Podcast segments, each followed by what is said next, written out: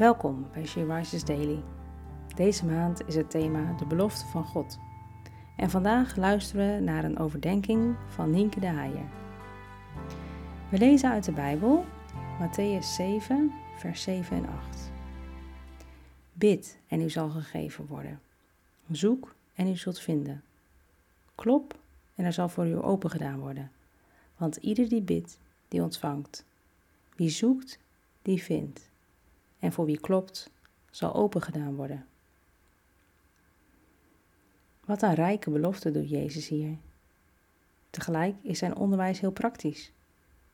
Wil je iets ontvangen van de Heer? Bid erom.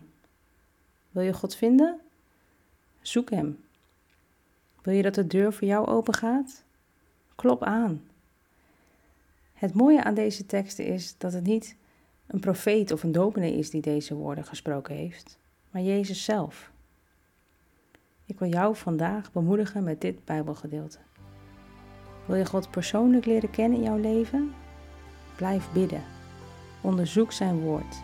Blijf kloppen op die deur. Je zal God vinden. Hij heeft het zelf beloofd.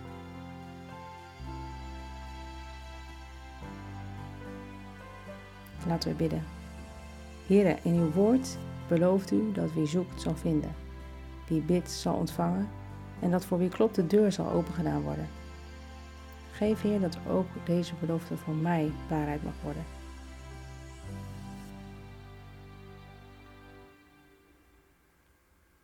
Je luisterde naar een podcast van She Rises. She Rises is een platform dat vrouwen wil bemoedigen en inspireren in hun relatie met God. We zijn ervan overtuigd dat het Gods verlangen is dat alle vrouwen over de hele wereld Hem leren kennen. Kijk op www.she-rises.nl voor meer informatie.